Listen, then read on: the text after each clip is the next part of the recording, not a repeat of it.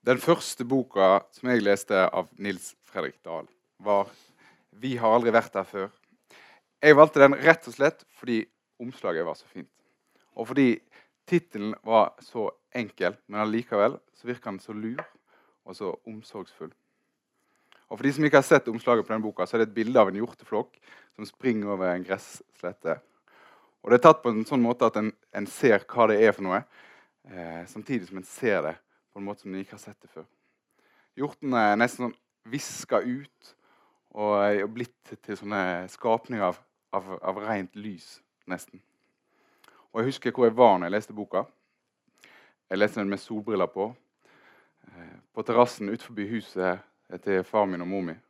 Og jeg husker det fordi det var en sånn utrolig eh, involverende leseropplevelse. Altså Jeg bare slukte den boka eh, totalt på én dag ute i sola der. Og det er en bok som, eh, som er, er, Eller et kjærlighetsdikt, eller er full av kjærlighetsdikt. Men det er ikke kjærlighetsdikt til, til en eller annen jente eller gutt, men kjærlighetsdikt eh, til en tilstand. Kjærlighetsdikt til eh, forelska kropper. Kjærlighetsdikt til eh, familien. Og, og, til det å leve sammen uansett hvor vanskelig det enn er. Tittelen på den nye samleboka med dikt av Nils Fredrik Dahl er 'Dette er et stille sted'. På omslaget ser vi et bilde av en gutt som, som skriver. Og Det er ikke vanskelig å sette disse to elementene sammen. Det er skrivingen som er et stille sted. Og Tankebildene jeg får, er av forfatteren som sitter stille og skriver. Og Det er heller ikke vanskelig å føre dette bildet videre til bildet av leseren som sitter stille og leser. Men om disse diktene her er stille, så er de bare i den mest sånn, fysiske forståelsen av ordet stillhet. For disse diktene her, de er fulle av bevegelse, de er fulle av følelser. De er fulle av historiske hendelser og referanser til litteratur og kunst. Og de er ikke stille fordi de gir meg lyst til å tenke høyt og prate og fortelle noen at det er fint å ligge ved siden av dem om det så er bare for et lite øyeblikk. Eh, og nå har vi fått Nils Fredrik Dahl her til Lyrikksalongen, så jeg håper vi kan gi han en, en stor applaus.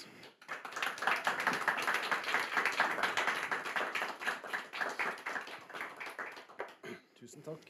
Takk for uh, veldig fin innledning. Jeg ble, skulle gjerne lest den boka som du hadde lest. Ja, det, det, er noe med hvert 20 år da, ja. å lese bøkene. Ja. Eh, den er jo blitt utrolig fin, den boka. Og, eh, og, jeg tror kanskje rett og slett eh, vi må høre litt fra den først. Og da har jeg, jeg spurt om ikke du kan lese eh, Jeg spurte om du kunne lese de nye diktene, men så sa du det er ingen nye dikt. Det er ett. Det er ett dikt. dikt. Ja. Men uh, det er jo bare Hvis du vil, så er det nye dikt. Men det er egentlig ett dikt, da. Uh, bare si veldig kort at uh, denne boka består av de tre siste diktsamlingene mine, pluss da et nytt dikt. Og da skulle jeg lese her, og da skrudde du av der, sa du? Ja. Uh, hvordan klare seg, hvordan legge seg tett inntil hunden, til hundens åndedrett, dens varme hjerte, til noe du ikke trodde kunne slippe taket, slipper taket. Armene dine, tungen, alt er nedtegnet et sted vi ikke vet hvor er. Hvert sekund av disse årene, disse 7000 døgnene, hvert kjærtegn, hvert rop og hvert sukk, hvert kyss og hver sorg, hver berøring, hver flekk av sol mot skogbunnen, og det skal være mulig å lese og forstå hva det vil si å være deg, være meg, være med deg, med meg, følge deg tett, munnen din, kan du åpne den vakre munnen din. Vi ligger på det bølgeskurte svaberget, du skriver på boken, fjorden som stryker fjellet er mørk turkis, grågjess over oss. Havet er varmt nok nå til sjøhestenes stille liv, en rokkes smil til manetene som lever av lys. Dette er også et hjem, Jeg vet at du vet det, men hvordan leve? Hvordan slippe til rådyr, rådyrets ører og blinkende øyne i kornåkeren? Den som trekkes med været fra blekgrønn til gyllen. Hunden pistrer, og som den vil jeg litt nærmere, hele tiden litt nærmere deg, som et slitsomt prinsipp, kanskje. En stahet jeg ikke har rett til. Men ingen ro, som den som er innerst i din uro. Uten fakter, nærmest huden, hvordan stå rett opp og ned med armene strukket ut til siden, hvordan holde fingrene samlet, håndflatene vendt nedover, hvordan snurre rundt sin egen akse, hvordan virvle som en dansende dervisj mens strimer av sollyset blir tatt av vinden og drar et slør av svakt grønt bortover den grå silhuetten av furutrær på den andre siden av fjorden. Og når vinteren renner fra himmelens båter, du selv i snø, som noe nytt, noe du ikke har sett før, og så har du sett det, og så har du ikke sett det, på nytt igjen, vinter, vinter, vinter, hvert fnugg, hvert flak, hver fille, hvert krystall, skal det bli hvitt? Ja, det skal det. Skal det bli ro? Ja, det skal det. Hvis vi leker at solflekkene mot skogbunnen henger sammen som et blinkende kjede noen har mistet i en kjeller. Hvis vi leker at du lytter direkte med hjertet til alle lyder, hunden som snakker i søvne hver eneste natt, jenta som roper, roper etter deg fra dypet av en drøm. Du holder den varme kroppen hennes, du drar drømmene vekk fra pannen hennes. Du våkner en og annen morgen til en visnet verden som skal reddes, pustes liv i, hvordan puste. Langt innover fastlandet, over steinbruddet som er opplyst natta igjennom, en hvit sirkel bak øyelokket når dagen lukker seg, en vrengt solflekk i horisonten, henger regnet som manettråder under skyene, kan det komme hit, tror du, kan du tromme oss inn i søvnen og være der når vi våkner, den svale, mørke lyden utenfor? Alt som skjer oss, er et løpsk nå og lar seg ikke huske, nå, nå, nå, nå som en ildpust, ute blir det kanskje vår igjen, alle fuglene, uro og så glede under det blomstrende treet, med åpne øyne, med åpen munn, er vi uten alder og uten frykt, er skogen, natten, gresset, magasinert i ansiktene våre, i fingrenes lys. Takk.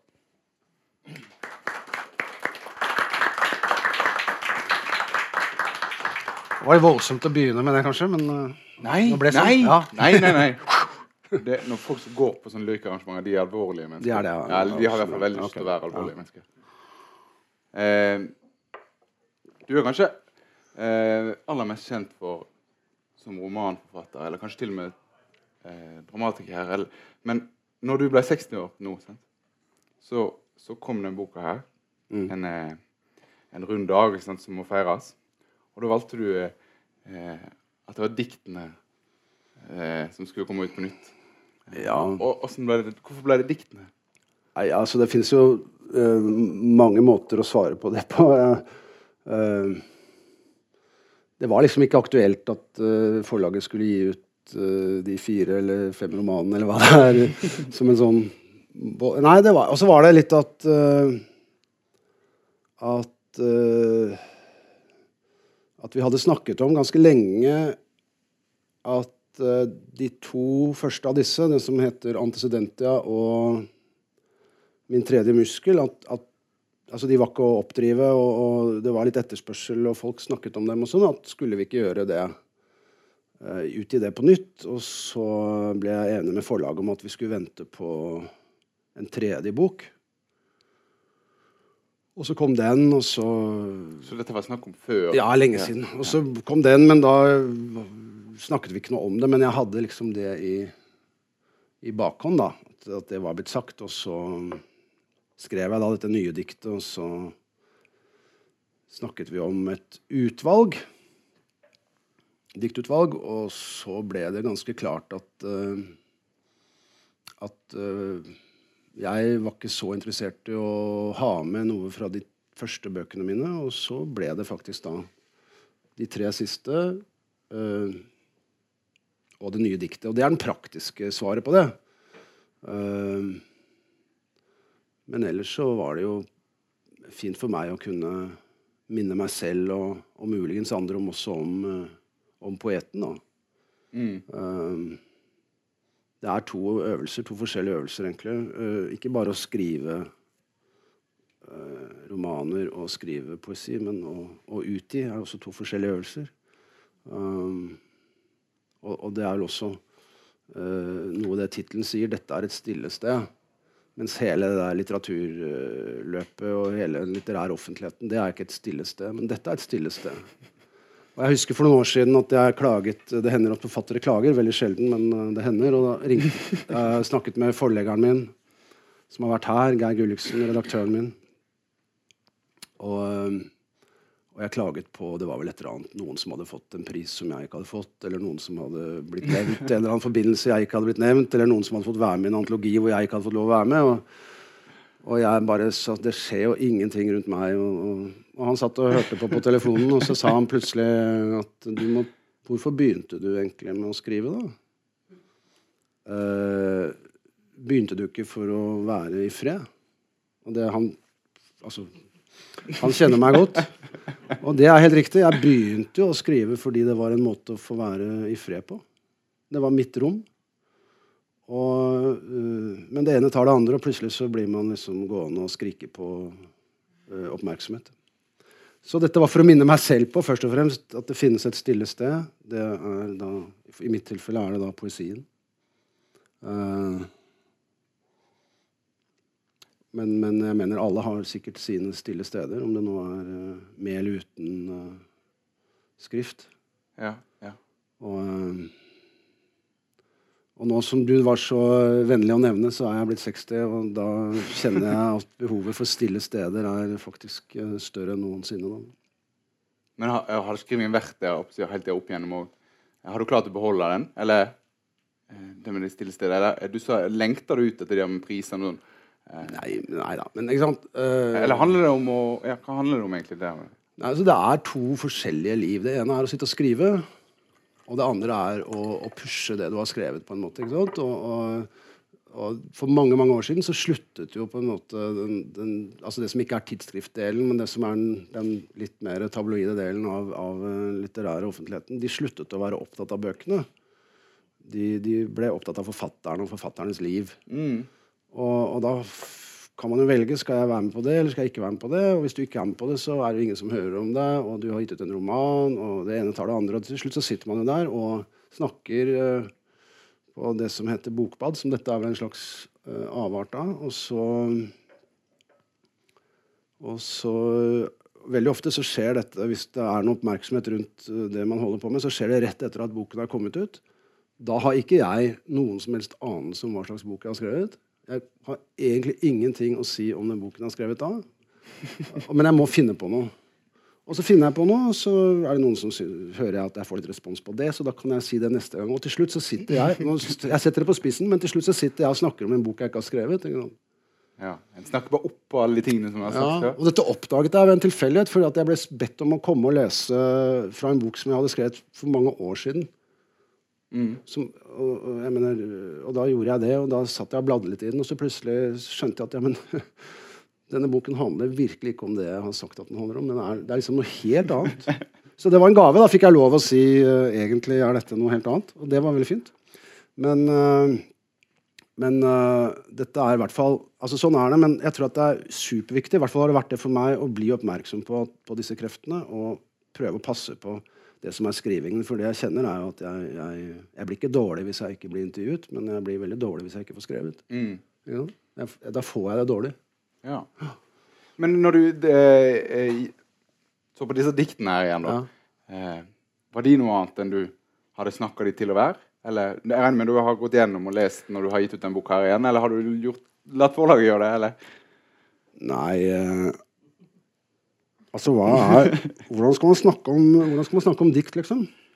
Jeg vet ikke. Um, dikt er jo i hvert fall, syns jeg, ofte det, et forsøk på å si det som ikke Det er en sånn frase, men det er faktisk sant. Det som ikke lar seg si helt. Mm. Sånn at uh, det, de, de, står nå der. Men uh, Så jeg har jo ikke snakket Jeg har aldri snakket så mye om, om, om diktene, og, og syns at det er ganske vanskelig å snakke om diktene mine. Ja, men nå skal vi gjøre et, vi gjøre det, ja. et, et ja. Men, eh, men, er det det jeg tenkte på? liksom eh, eh, Eller i hvert fall blir eh, snakken ofte om, om, det å skrive dikt, som er veldig sånn eh, en personlig og en sånn nåtidig prosess. Og nå er jo en, noen av disse diktene over 20 år gamle. Ja. Hvordan er det? Kjenner du igjen eh, utsigelsespunktet til disse diktene? når du... Ja, altså, jeg, det, det var, sånn sett er det jo ikke sant? Du, du skrev meg, spurte meg på mail Vi snakket litt om, om lesing, og så om jeg skulle bestemme hva jeg skulle lese, eller om du skulle bestemme. Og så skrev jeg at hvis jeg skal bestemme, så leser jeg de siste diktene. De nyeste. Og det er jo de som er levende for meg. Uh, men uh, Men uh, Ja, det har vært ikke sant? Du sitter der med det du har gjort, og så tenker du skal du gå inn og rette på det. Skal du stryke den linjen der som alltid har irritert deg, eller skal du ta ut de diktene og sånn? Og nei, så bestemte jeg nei, det får være som det er. Mm. Uh, så jeg har ikke sett så nøye på dem, egentlig. Uh, uh, men eh, Men en del har du jo strøket, da. jeg har strøket noen bøker, Du har strøket, strøket to, to Ja. hele bøker. så To du- hele bøker har jeg strøket, ja. S- som er de to eh, første Ja, de, det er veldig- første er vel debuten er det ikke? Jo, Det er barnslig ikke sant? at man ikke kan stå for det man har utgitt. og sånn, Men jeg kan i og for seg stå for det. Men hvis man liksom Hva vil du skal eh, Hva skal være på en måte i, denne, i en sånn bok som dette? Da er det jo lov kanskje å ta bort Men, men jeg var så heldig at jeg fikk lov å utvikle meg Jeg vet ikke hva jeg skal si, og lete etter hvem jeg skulle være som forfatter i utgivelsene mine. Mm. Og, og begge de to første diktsamlingene bærer veldig preg av eh, Det kan jo jeg se, og det vet jeg jo nå, at, eh, at det var nok en, en eh, At jeg levde nok med en slags forestilling mer av hva det var å skrive dikt, og hva et dikt var, enn at jeg var på en måte midt inni det. Uh, og at det var uh, had, Hva heter det? Eh, jeg hadde nok ikke funnet min stemme. Eh, men jeg hadde, var ganske flink til å, til å få det til å virke sånn, kanskje. Til å etterligne. Ja.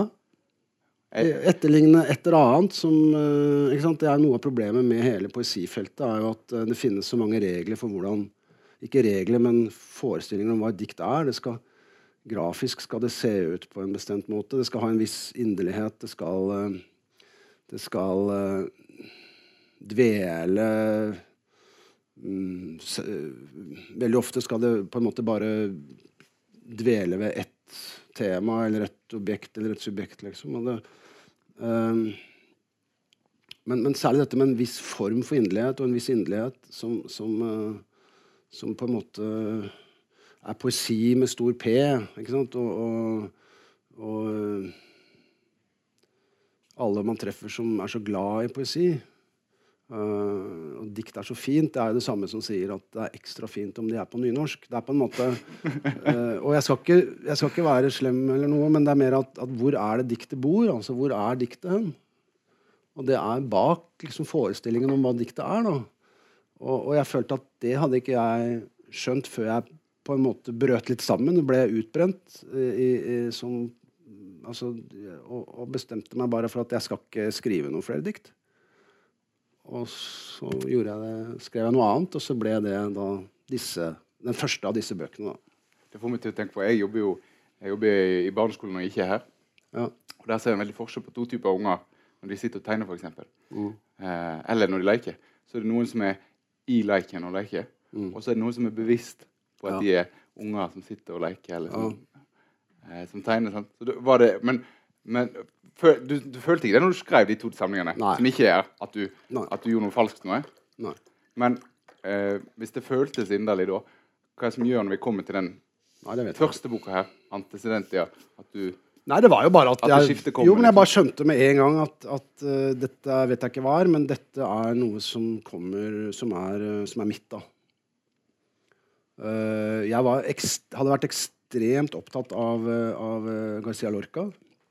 Jeg hadde gjendiktet ham, og jeg bodde i Spania og, og, og var veldig, veldig opptatt av det. Og, og, veldig opptatt av hans eh, Hva skal jeg kalle det? Veldig mm, ugjennomtrengelige billedverden. Uh, som i mitt tilfelle på en måte ble at poesiforsøkene mine ble Altså, jeg, jeg prøvde å si Jeg prøvde å beskrive noe med andre ord. På en eller annen måte. Jeg prøvde å lage Altså Hvis jeg skulle beskrive Jeg, hadde en, jeg, har, jeg kan jeg kom med et eksempel, for jeg har faktisk lagt inn en hilsen til mitt tidligere jeg i det diktet jeg leste. Som jo er bare rett på. ikke sant? Det står bare Det er bare ikke sant? Det, er, det står fjellet, det står fjorden, det står Alt er bare beskrevet rett på. Men et sted så står det Og når vinteren renner fra himmelens båter Og det er en sånn, et lite geip til meg selv. da. For himmelens båter, som var, er skyene, det var sånn jeg eh, altså, Begge mine første bøker er fulle av sånne bilder, sånne beskrivelser. altså I stedet for at jeg skriver skyer, så skriver jeg himmelens båter. og det var det jeg drev med. Og, og jeg sier ikke at jeg Men det som skjedde, var at det brant meg ut. Det, det, jeg fikk ikke noe igjen. Jeg kunne ikke skrive nye dikt oppå det. på en eller annen måte, for det, var- og og jeg lette etter et eller annet sted hvor det gikk an å skrive videre. For alt dette handler jo om dette er et stille sted, alt dette handler jo om et rom hvor det er ikke vegger og ikke dører. Liksom. Hvor du bare er så stort at du kan gå videre på det du holder på med. Og jeg hadde funnet meg et sted å være hvor jeg ikke kom videre. da. Mm. Og helt sånn angstbitersk. Jeg hadde jo må ha hatt en eller annen forestilling om at det var sånn. For jeg, jeg var liksom i krig mot alle og, og, og var helt sikker på at alle syntes at jeg var en uh, forferdelig dårlig forfatter. Og kanskje jeg var det òg, men altså, det var sånn Og det var jo fordi at jeg ikke var, var trygg, da. Jeg, jeg var ikke trygg i, meg, i, i, i det jeg holdt på med. Men var responsen annerledes når, når disse diktene kommer? Ja, det, må, det må jeg si at de var, da. Ja. Ja. Så det var med på at en skjønte kanskje Ja, det, jeg mener, det er ikke alle kritikere som er idioter. Sånn at uh, de så at det var skjedd noe, kanskje. Det, det, det, det gjorde de. de, er jo, de er jo visuelt ikke som vanlige dikt òg. De er skrevet Ja. rett uh, ut. Rett ut, ja. Uh, sånn. Derfor dette formatet. Men var det liksom det visuelle formatet viktig for forløsningen av, av den stemmen? Ja, litt, altså det, er, det er to måter å si det på. Den ene er nei.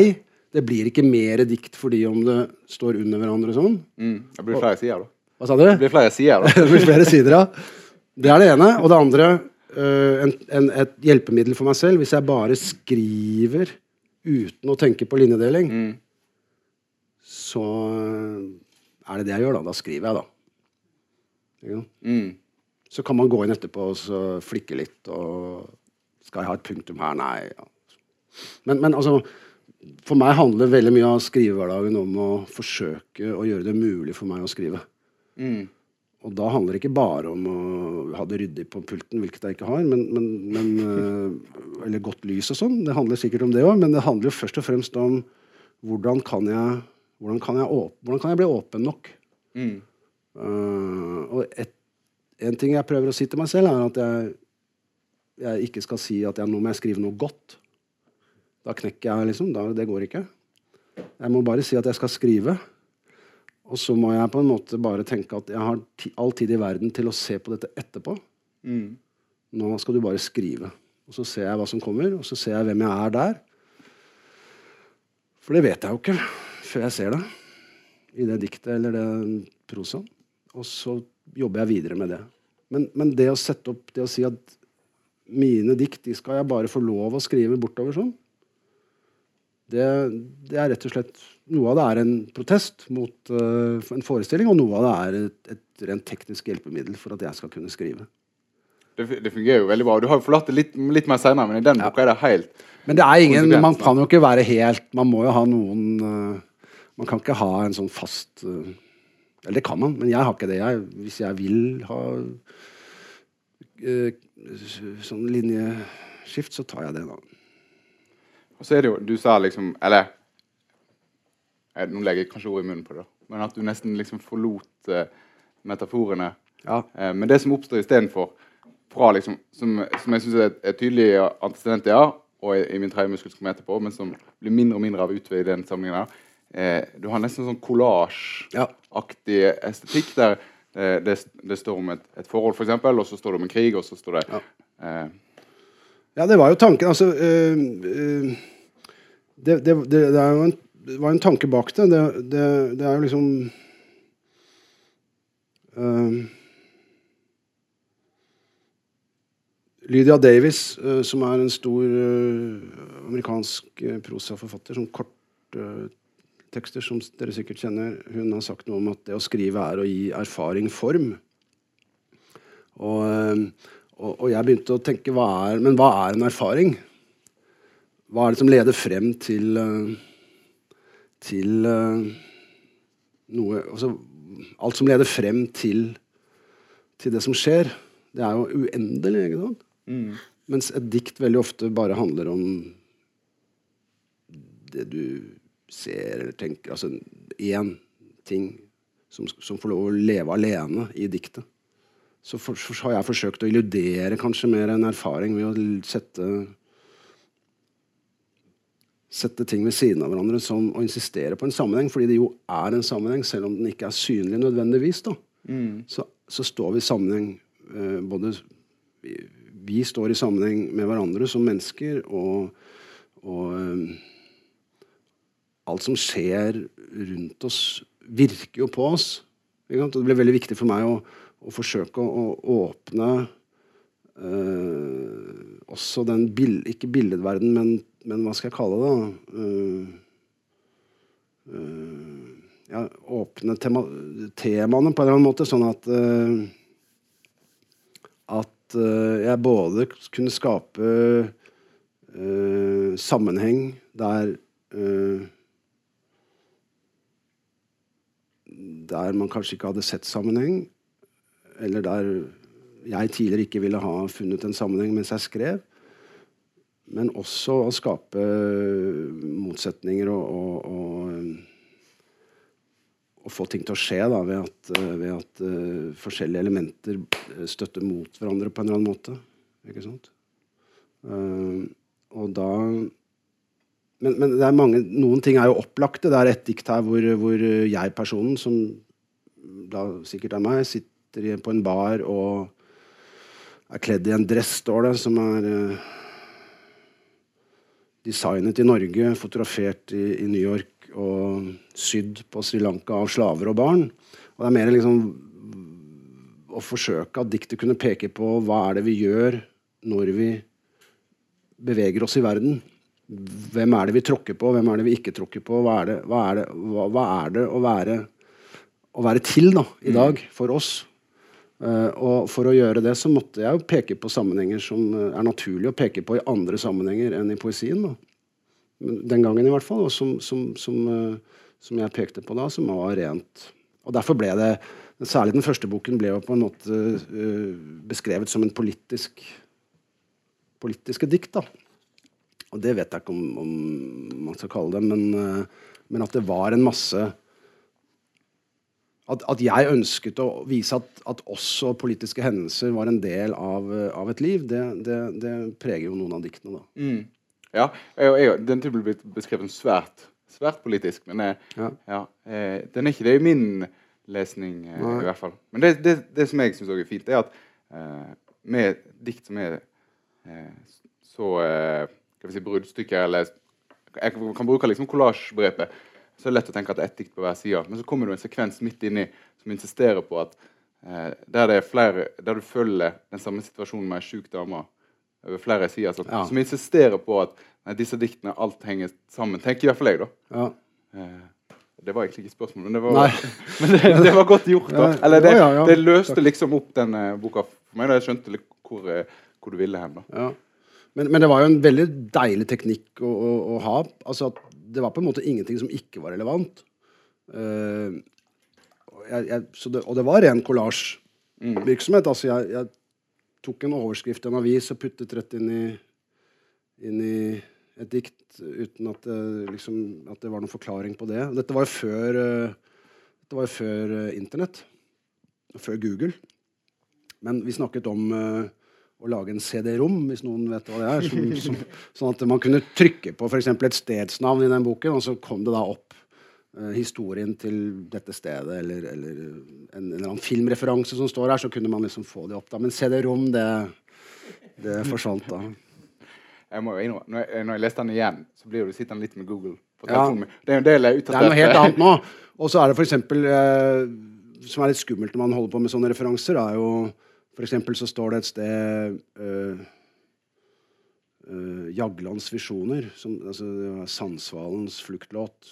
Tørr, nasal Jeg husker ikke et eller annet sånt. Jaglands visjoner. Og da var jo jeg veldig fornøyd med det, husker jeg. For da var Jagland, uh, Torbjørn Jagland var da en, en veldig anonym partisekretær i, i, i Arbeiderpartiet, som, som, på en måte var en Han hadde aldri hatt en visjon i sitt liv, på en måte. Og jeg skal ikke si at han nødvendigvis ble så mye finere visjoner, men et, altså nå er jo, hvis du ser navnet Torbjørn Jagland nå, så jo, blir, det, blir, jo det forbundet med noe helt annet. Så, for, så jeg ergrer meg litt over det, men, men, men, leseren vil jo bare alltid dikte inn sine ting i et dikt. Så det, jeg skjønner at ikke det spiller noen stor rolle. Men meg, jeg ergrer meg over at jeg mm, mm. gjorde det, da. Ikke sant?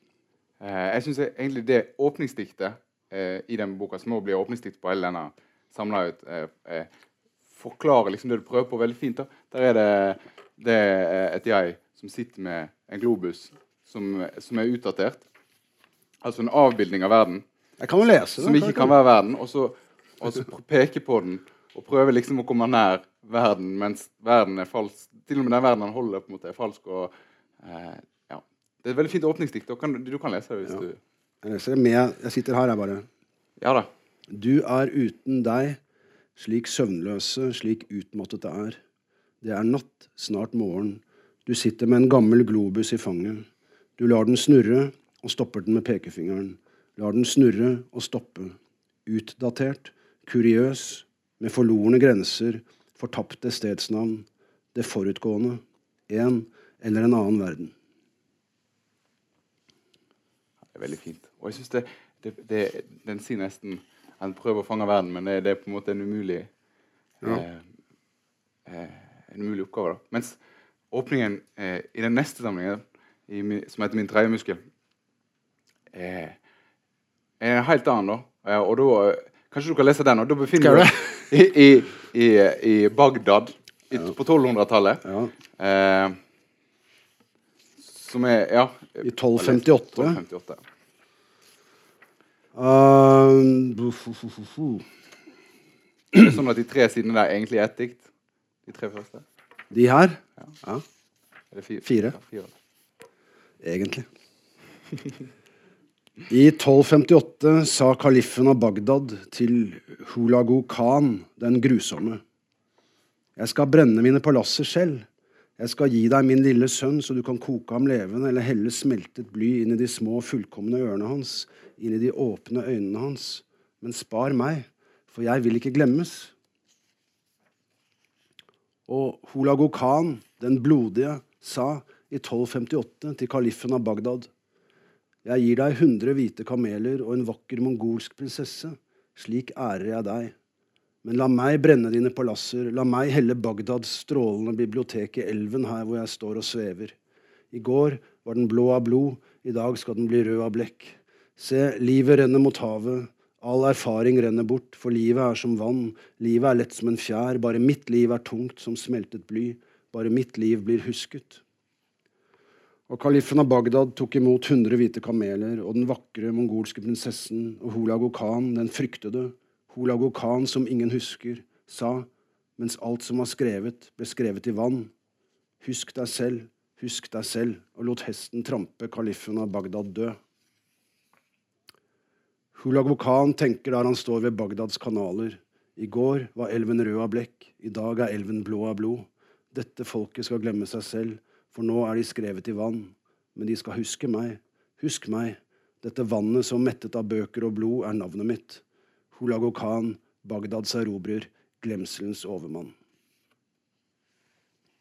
Hele den Min tredje muskel handler veldig mye om, uh, om uh, om denne Det er veldig mye, mange krigsmetaforer her, men, men, men spesielle krigsmetaforer. Denne, denne, kampen om historien, altså kampen om, eh, om, eh, om hukommelsen. Jeg, jeg, jeg tenker nettopp det, De to første bøkene i den sammenhengen, de er på en måte nesten litt tvil, tvillingbøker. I hvert fall mer like enn mm. en de er den tredje. Mm. Og der den, eh, den første på en måte er opptatt av eh, å huske, mm. eh, og, og, hvor mulig det er og, og, og hvor rar erindringen er. Så den andre er opptatt av det å glemme, på en måte. Og at eh, eh, når en har glemt, eller når en skal huske, så begynner en å dikte. Mm. Eller, ja. ja. Nei, nå av- nå avbrøt jeg ditt resonnement nei, jeg hadde ikke noe resonnement. Jeg bare snakker i vei. Men, eh, men den var jo Den er jo eh, Den, den, eh, den går liksom inn og ut av Altså, den trekker jo linje mellom, mellom en krigsmet... En krigsretorikk hvor Hvor Som vi ser hele tiden, hvor, hvor folk skal raderes bort. Altså, de skal ikke bare slå oss Det skal ikke bare være en seier på slagmarken, men alt skal bort. da. Ingenting skal få lov å leve videre. Og så tar den da en litt uh, ublu linje derfra til en, en skilsmisse, hvor det samme kan skje.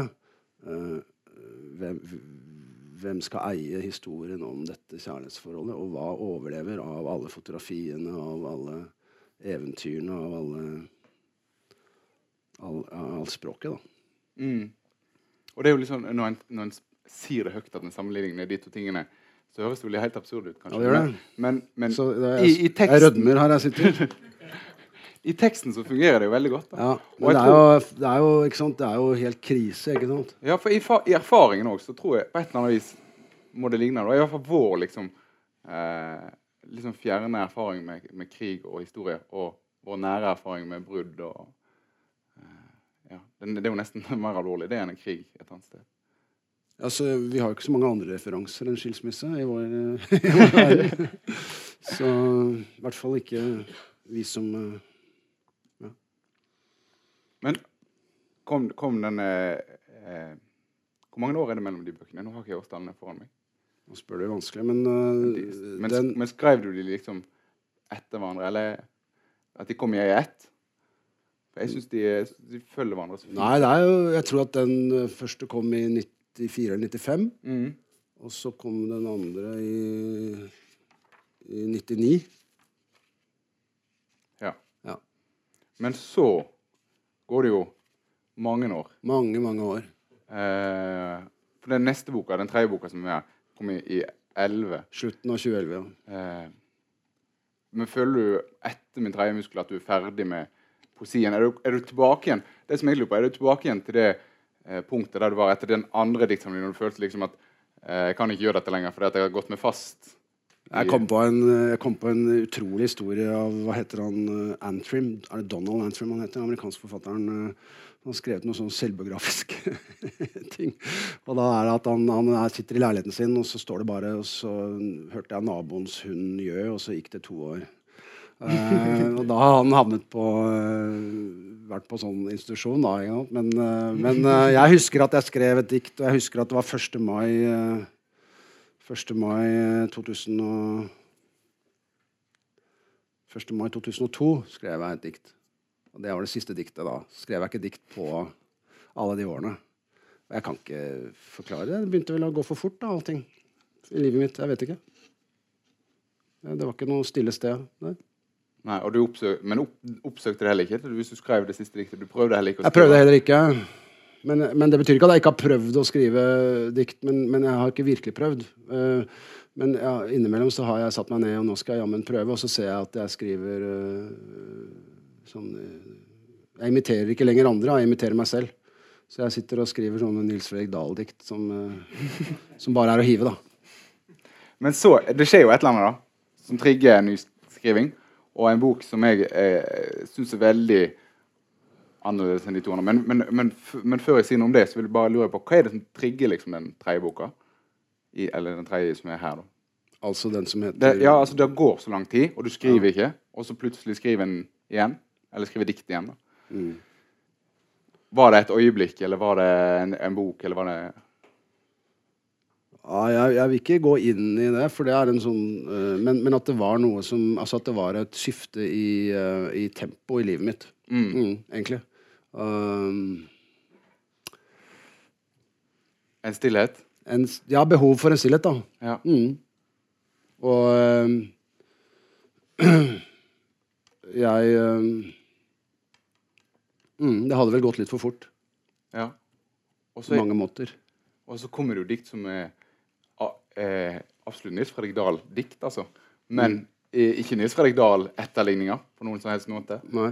For der, eh, dersom de, de to bøkene vi har snakket om nå, eh, liksom insisterer på en eller annen avstand til verden, mellom jeg og verden, eller dikt og verden, eller hva du vil si, så er jo eh, så det det på en måte snudd, og så eh, insisterer det diktene på en nærhet.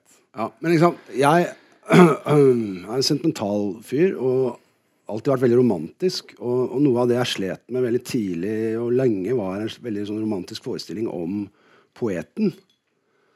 Uh, og det er vel også en av grunnene til at kanskje jeg ikke ville ha med de to første diktsamlingene. For det minner meg veldig om, om en slags uh, umodenhet uh, hvor, jeg tenker at, hvor jeg tenkte at jeg alene var nok for å bære liksom poesien. Det var nok å bare være meg. Jeg var diktet, på en eller annen måte. Og, og, det har vel også grunn til at jeg, at jeg brant litt uh, ut uh, der. Men, men, altså det som kanskje er denne bevegelsen som er mellom altså Før denne tredje boken, da, mm. er, vel et, uh, er, vel en erkjennelse av at Altså jeg har jo alltid tenkt at jeg ble til Jeg skrev for å bli til.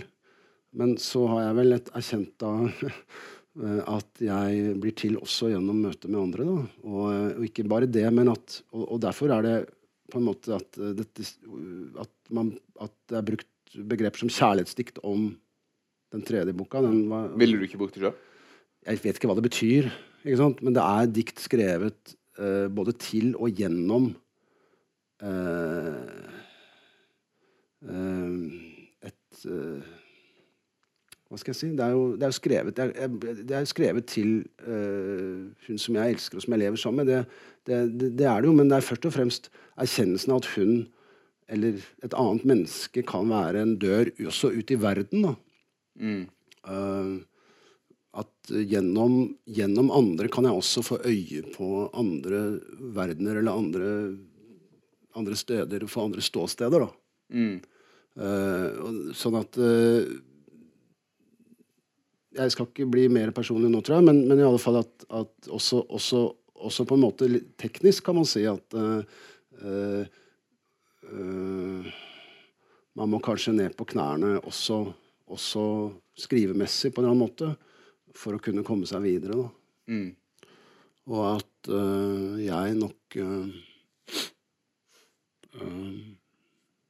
brukte ganske lang tid på um, å, å, å, å, forstå at uh, jeg ikke var diktet, men at jeg sto i veien for diktet. Men kan, kan en komme seg unna det? Eller? Ja, det er en daglig kamp, da. det gjelder jo alle Det gjelder jo ikke bare når man skriver, det gjelder alle livets uh, forhold. Altså, man må jo komme forbi seg selv, men det Jeg husker jeg leste Donald var barn, og, og bestemor Duck skulle bli ny. Så det kom, eh, kom fra et dameblad og hadde, skulle gjøre den ny før og etter bestemor Duck. Og så satt hun med sånn uh, tørkehette, og så kom hun ut av den tørkehetten, og da var bestemor Duck hadde et sånt helt annen frisyre med litt sånne krøller her på siden. Og så var det ett i to sekunder, og så sa det bare fom! Og så for håret til bestemor Duck tilbake. Og var, da var hun bestemor Duck igjen. Og sånn er det jo å være, være til. Altså, det er vi det er, Pum! Så er man tilbake i denne Og det er ikke noe rart, for at uh, vi har jo Altså Altså, vi er jo all, alle er jo helt i midten av alt som skjer oss, på en eller annen måte. Det er ikke noe rart at man da til slutt tenker at jeg er den viktigste her. Og det er jo skadelig på så mange måter, men det er rent Hvis vi nå ikke skal snakke coach og liv og sånn, så kan vi snakke skriving. Det er også livsfarlig i skriving. At, at, at liksom jeg er senteret i dette denne, i, det, det, i dette som skal skrives. Så, så skrivingen kan aldri bli noe sånn meditativt eller psykoanalytisk eh. jeg, jeg, tenker ikke på innholdet nå. Jeg tenker på, jeg tenker Nei, på, selve prosessen ja, ja. å skrive. Altså. Ja, jeg, tror det, jeg, tror absolutt jeg, jeg, mener Alle sier at alle forfattere er veldig raske med å si at eh, de skriver ikke for, av tera, terapeutiske årsaker. Og, mm. og, og, det er liksom en hån og sånn. At, at kan, men, men jeg, tror kanskje at, at, det kan ha en viss terapeutisk effekt. Det tror jeg. Uh, men det er ikke det samme som at man skriver for å bli frisk. Det tror jeg ikke. Men jeg synes, du, sa, du sa når du begynte å skrive, så, så prøvde du å etterligne en eller annen form for inderlighet. sant? Nei, jeg tenker Eller at det måtte være en jeg, jeg, Jeg syns det er vanskelig, for at jeg mener Det er vanskelig å vite hva det egentlig var. Jeg var bare kanskje ikke voksen nok, da. ja. Jeg var Det- kanskje bare barnslig, liksom. Jeg vet, jeg vet jo ikke nå helt hva det var, men jeg, jeg vet jo at, at jeg ikke hadde funnet min måte å skrive på, men jeg insisterte på at jeg skulle bli publisert likevel. Ikke sant? Jeg, jeg, jeg var forfatter, og, og jeg ville bli publisert. Men, men, men, øh, men jeg øh, Jeg øh, hadde nok ikke funnet frem til Og det er ikke noe rart. Jeg mener Uten at det er en helt annen Nå skal man debutere, og da skal man være geni. Mm. Det er jo noe ganske nytt. Eh, jeg husker jeg holdt på med noe sånn Johan Falkberger-prosjekt en gang i noen teatervirksomhet, og da leste jeg litt om, om han, og da var det sånn bok 18. Så skrev kritikerne ja, dette er fortsatt ikke helt på plass, Falkberger, men, men bare fortsett, du. Bare skriv i vei. Og, og, og, og, det har liksom ikke lov lenger. Men, men jeg fikk jo litt lov til det da, ikke sant? Men eh, sånn har jeg det egentlig ikke lenger, da. Det, altså, jeg var bare halvveis inn i setningen min. nå. Det, det, på det jeg skulle si, var jeg synes jo, Hvis du har søkt en oppriktighet eller på et eller annet tidspunkt, så har du i hvert fall virkelig funnet en oppriktighet med den boka. Da, og kanskje enda mer med den nyskrevne eh, Nei, ikke oppriktighet, inderlighet. Eh, og kanskje enda mer med det nyskrevne diktet. Der en virkelig eh, Og det er bare et kompliment, det er ikke et spørsmål engang. altså. Mm. Takk. Eh, og så Ja, hvis en skal gå helt vekk fra det, så, så må en jo snakke litt sånn Du, du skrev du ville ha diktene dine sånn lange streker. sånn. Mm. Her, du går bort ifra det i den boka. Hva som gjør, hva som gjør det? De stemmer jo som vanlige dikt. Og så er det av og til så er det første ordet grått og ikke svart. Ja. Det har jeg lurt på. Hvorfor er det, hvorfor Nei, er det sånn? det er uh, Egil Haraldsen, den geniale designeren, som uh, ville markere hvor For noen dikt uh, er litt lengre enn de andre. Og, men det står bare ett vers Mm. på hver side, og da var det begyn, Diktet begynner da med det litt gråere ordet. Mm. Så hvis det ikke har et uh, grått ord først, så er det antagelig vers to eller vers tre. okay, Ja. ja. Men alt dette er jo ikke så Det er ikke så farlig om man leser det som ett eller tre eller 17 dikt. Det er ikke så farlig. Nei, men, det, nei, men det, det kan godt være interessant, selv om det ikke er farlig. Det er mye som er det. Ja, men jeg mener Ja, absolutt. Jeg, jeg syns det er interessant, for at øh, øh, Det blir jo ikke noe litteratur uten lesere. Det er Mm. leserne som bestemmer. Ja, kanskje. Er fra gang til gang, liksom. ja, ja, ja. Hva det er. Hva det er de faktisk sitter med. ja. Det er jo helt sant. For det er jo ikke meg. Ja, til viss, viss Jeg kan, noen, jeg kan legge noen ting, og så kan jeg tenke at hvis jeg gjør det, så kanskje uh, det får den og den virkningen, men jeg, jeg bestemmer jo ingenting. Altså utover at jeg bestemmer at dette skal finnes i en bok, men, men det er jo først når den åpnes og noen leser den, at, at, at den blir til. Da. Jeg du har veldig raust forhold til Nei, det er ikke raust. Det, det er jo rett og slett sånn som det fungerer. Det er jo en øh, det, er, det, er jo, det, det, det blir jo ikke noe uten, uten leser. Det gjør ikke det. Nei, det er helt sant. Da blir det bare sånn at jeg luk den blir liggende sånn. Ja, Åssen følger den opp det? Nei, vi kan snakke om noe annet, vi. Det er, jo, det, er jo, det er jo et nytt dikt her, som du har lest. Og det er det første diktet eller, eh, på seks år. Første som jeg fikk til, ja. Jeg har nok prøvd Du har da. prøvd imellom. Ja.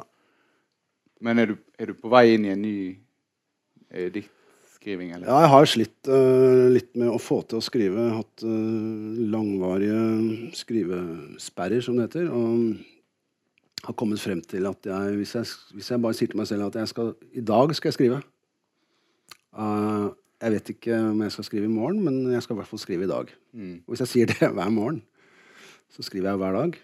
Hvis jeg da ikke tenker at dette skal bli Det er en eller annen historie om Balzac, dette her, tror jeg, som hadde skrivesperre som varte i åtte år. Og så våknet han en dag og så sa han til seg selv at uh, du trenger ikke være verdens største forfatter, Balzac. Og da han hadde sagt det til seg selv, så begynte han å skrive. Ja, Det er jo en teknikk, da. Du, er, så du trengte to år mindre enn Balzac. det, ja. det må jo være noe. Men uh, uten sammenligning for øvrig. Men, men eh, er det sånn du skriver nå? òg? eh, hvordan fungerer det? Jeg sitter nå egentlig og skriver en roman, jeg. Ja, Som eh, det, skal levere Jeg skal bare si det, som skal leveres 1. august. Og da har jeg egentlig en sånt forhold til det. Hvis jeg bare skriver litt hver dag, så blir den kanskje ferdig. ja. Ja. Men kan en skrive dikt på den måten? Uh, ja, Det man kan, i hvert fall, er å sette seg og skrive. Det har jeg jo skjønt. At uh, det eneste måten å få skrevet noe på, er å skrive. Men, jeg, men gjorde du ikke det i alle de årene? Fra, fra, fra 2011 til, til nå, da? Jeg har prøvd å skrive, det har jeg, men, øh, men det handler om å Man skal ikke ta seg selv så veldig høytidelig, kanskje, men man skal ta seg selv på alvor. Mm. Og øh, man skal i og for seg forsøke å ta vare på seg selv som forfatter. Um, og det betyr at man må legge, forsøke å legge til rette for å få skrevet. Og for å kunne være i det som skal skrives. Man må tenke på seg selv på spesielle måter. Uh, og man må, man må liksom gi seg selv rom, da. Hvis man tenker at det er ikke så farlig. Jeg er egentlig en veldig god forfatter, men det er ikke så farlig. Mm. Jeg, for jeg, for, jeg kan vente til fredag kveld, da kan jeg skrive litt da. Det går sikkert bra.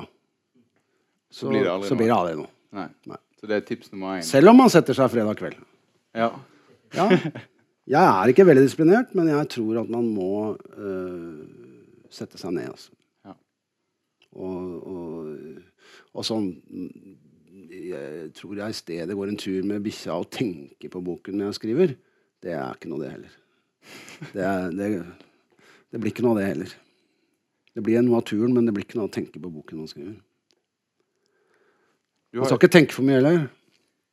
nei. Det er noe alle vet som uh, spiller tennis, at hvis du, hvis du tenker på hvordan du skal slå ballen når den kommer mot deg, så slår du i nettet. Og eh, i skriving har jeg sånn tenker at eh, jeg kan tenke litt på forhånd, og så ingenting mens jeg skriver, og så tenker jeg veldig mye etterpå. Når jeg prøver å gjøre noe Men med det jeg men har hva er alternativet du tenker, da? Bare Åpne opp. rent impulsivt? Åpne opp. Collage eh, Nei, ikke kollasj, bare åpne opp og se. Jeg Ja. mener, eh, eh, tenk på alt vi sitter med, da. Mm. All erfaring, alle tingene vi sitter med, som er oss. Helt hva er det Knausgård kaller det, singulære eh, forhold til de minste ting. Altså gå ut på trammen, og vinden treffer deg, og det er akkurat på den måten som møter dine referanser. Altså du, det er liksom et, et helt Det er liksom uant materiale som hver og en av oss går rundt med. Og, og, og, for meg handler det veldig mye om hvordan finne hvordan, hvordan åpne for det. da.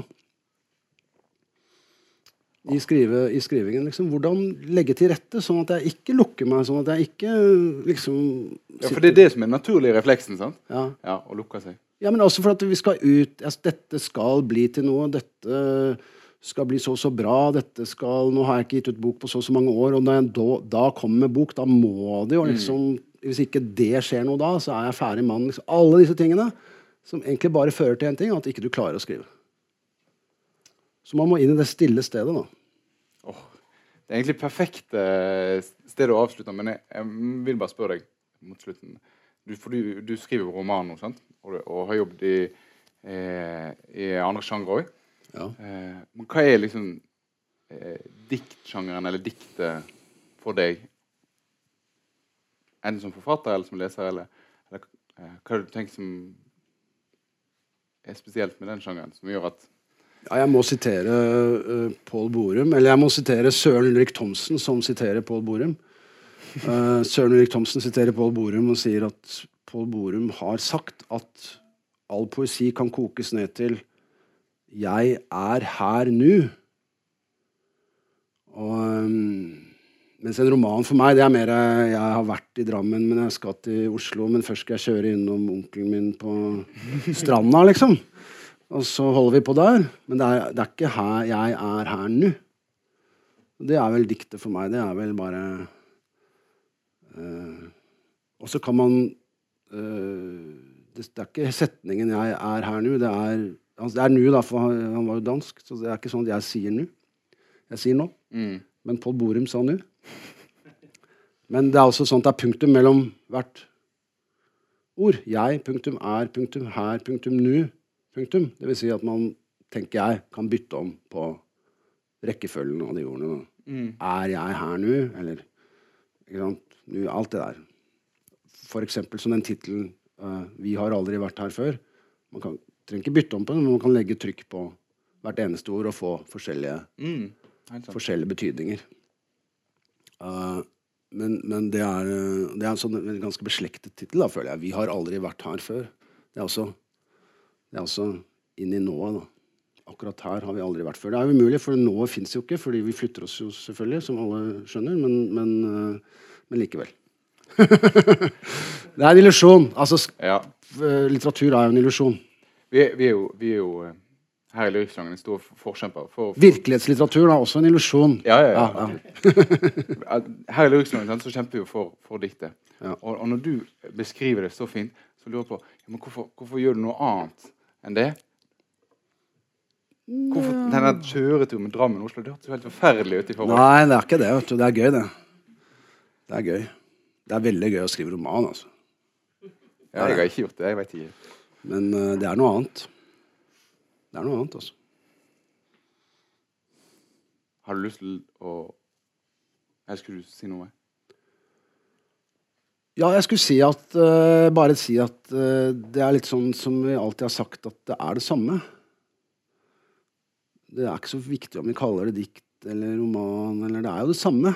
Men, men jeg syns ikke det. Jeg synes, har jeg funnet ut. Det er noe helt annet.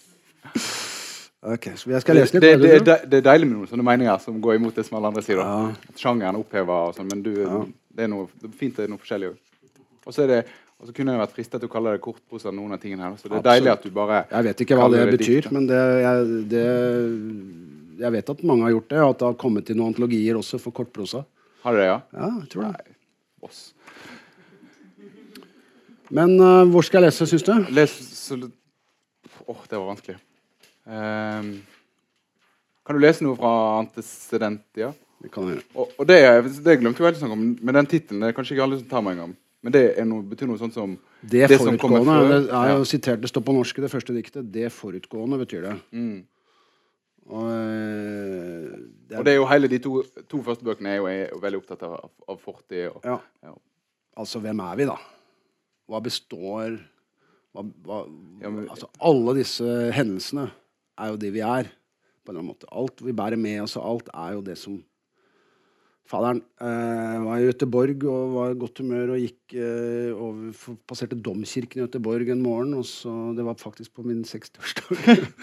og vi var på vei for å drikke bursdagskaffe, og så sto det plutselig en plakett på domkirken. Her hviler stoftet av 20 000 døde. Ikke sant? Og det er det. Vi går på alle de døde. Vi går Så vi er Dette er det som er eh, Og det kan da litteraturen peke på.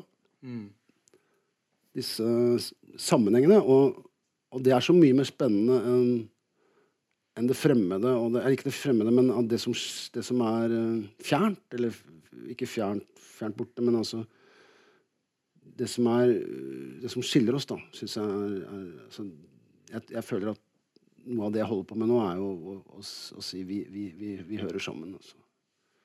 Eh, ja. Ja, nei, det er fint. Men skal jeg lese fra denne første? Som ikke er den første, men som Eh, ja, altså Som jeg sa i innledningen, altså, vi jeg har aldri vært her før. Jeg er jo kjempeinntrykk med, men en antecedentia syns jeg òg er utrolig fin. Og det, ja. Ja, okay. Da, da kan jeg lese litt mer fra den. Litt. Rann.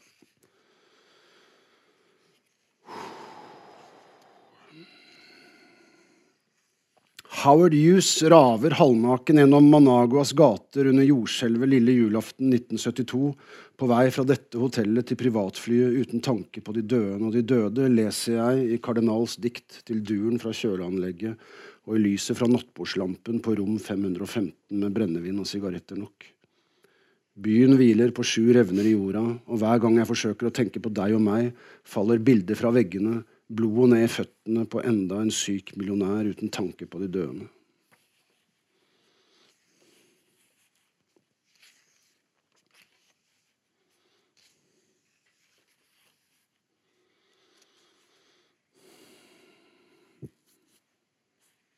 Ikke la meg gå med lille Jamie Bulger. Han er så putte liten og så redd. Ikke la meg slippe lille Jamie Bulger. Han roper sånn på mamma og vil hjem. På vaktas monitor er vi små leddstyrte dukker i kornet svart-hvitt, to stanset oppdagere, to balsamerte barn. Til politiet sier jeg hvis jeg hadde villet drepe en liten gutt, hadde jeg vel tatt min egen lillebror. Til Gud sier jeg du kan ikke være alle steder på en gang, derfor skapte du kjøpesentrene. Til mennesker vi treffer, sier jeg at han er lillebroren min. Kan jeg si noe? Det er, eh, jeg kom på da uh, Det er jo en referanse der så kanskje ikke alle tar over. Paul Simon har en sang som heter uh, That's Why God Made the Movies. Og Det er hans take på et jødisk ordspråk som er sånn at uh, Gud kan ikke være alle steder på en gang. Derfor skapte han mødrene. Og så mistet jo Paul Simon, for den som kjenner hans sanger godt, moren sin tidlig. Så han lagde da denne sangen 'That's Why God Made the Movies', som jeg da tar videre til Gud kan ikke være alle steder på en gang, derfor skapte han kjøpesentrum.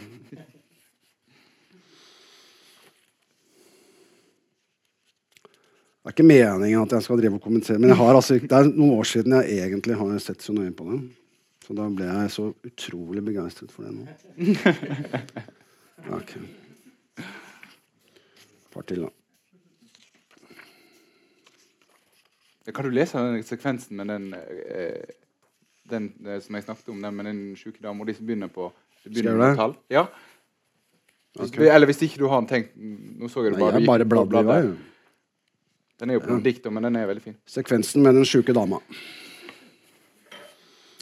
Hun arbeidet med isens historie da hun ble syk. Ikke iskremens historie, isen, kjøl og frys. Hun mente det var den hun var blitt syk av, så hun la den til side, isens historie. Hun var syk i fem år og skrev på en avhandling om sykdommers rolle i språk og litteratur i lys av selvkurering. I et av de siste brevene ba hun meg sjekke en historie om Hamsun hun hadde hørt. Han skulle ha kurert seg selv for tuberkulose ved å sette seg på taket av et tog som brakte ham tvers over Amerikas forente stater. I går hentet jeg ut en boks med iskrem fra fryseren. Det hadde dannet seg et frostlag som minnet om gammel snø på lokket. Jeg ripet i det med tommelfingerneglen og tenkte på henne. Siste gang jeg så henne, hadde jeg kommet opp fra Malaga hun lå på en madrass i stuen, og jeg fikk ikke røre henne pga. smittefaren. Hun hadde fått gullsott av dårlige skalldyr. Vi snakket om å bli syk når man var syk. Vi lo. Jeg hadde med blomster og en Grieg-innspilling. Datteren hennes arrangerte blomstene i en vase foran de nedtrukne persiennene. Hun så så liten ut mellom lakenene på madrassen, og alt jeg ville, var å legge meg hos henne. Jeg fikk et kort noen uker senere der hun takket for Griegs norske sanger. Noen måneder etter kom et brev fra datteren hennes. Jeg vet ikke hva jeg skal si, skrev hun. Jeg bodde i en leilighet hun disponerte i den gamle bydelen. Hun hadde flyttet alt innboet dit fra foreldrenes hus i Sveits, og jeg beveget meg mellom Krystall og Ibenholt til flamencoen fra radioen. Et helt rom var fylt av kurver. Hun hadde skrevet en bok om kurvflettingens tradisjoner på den iberiske halvøy, og iblant gikk jeg inn i det rommet bare for å lukte. Vi kjøpte en kurv til henne i Afrika som vi aldri fikk overlevert. Da sønnen vår ble født, sendte hun en gresk ex-voto til å ha over sengen hans, og en fugl som slår med vingene når man klemmer på en bøyle. Hver gang han leker med den, forteller vi ham hvem han har fått den av. Kurven hennes fyller vi med bananer og epler.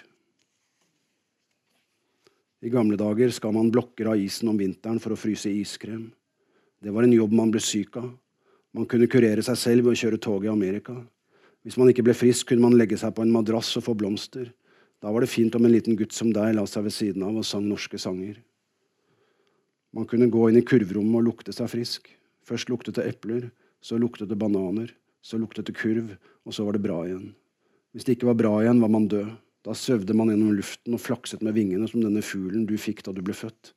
Se, Kasper, det har snødd på iskremmen.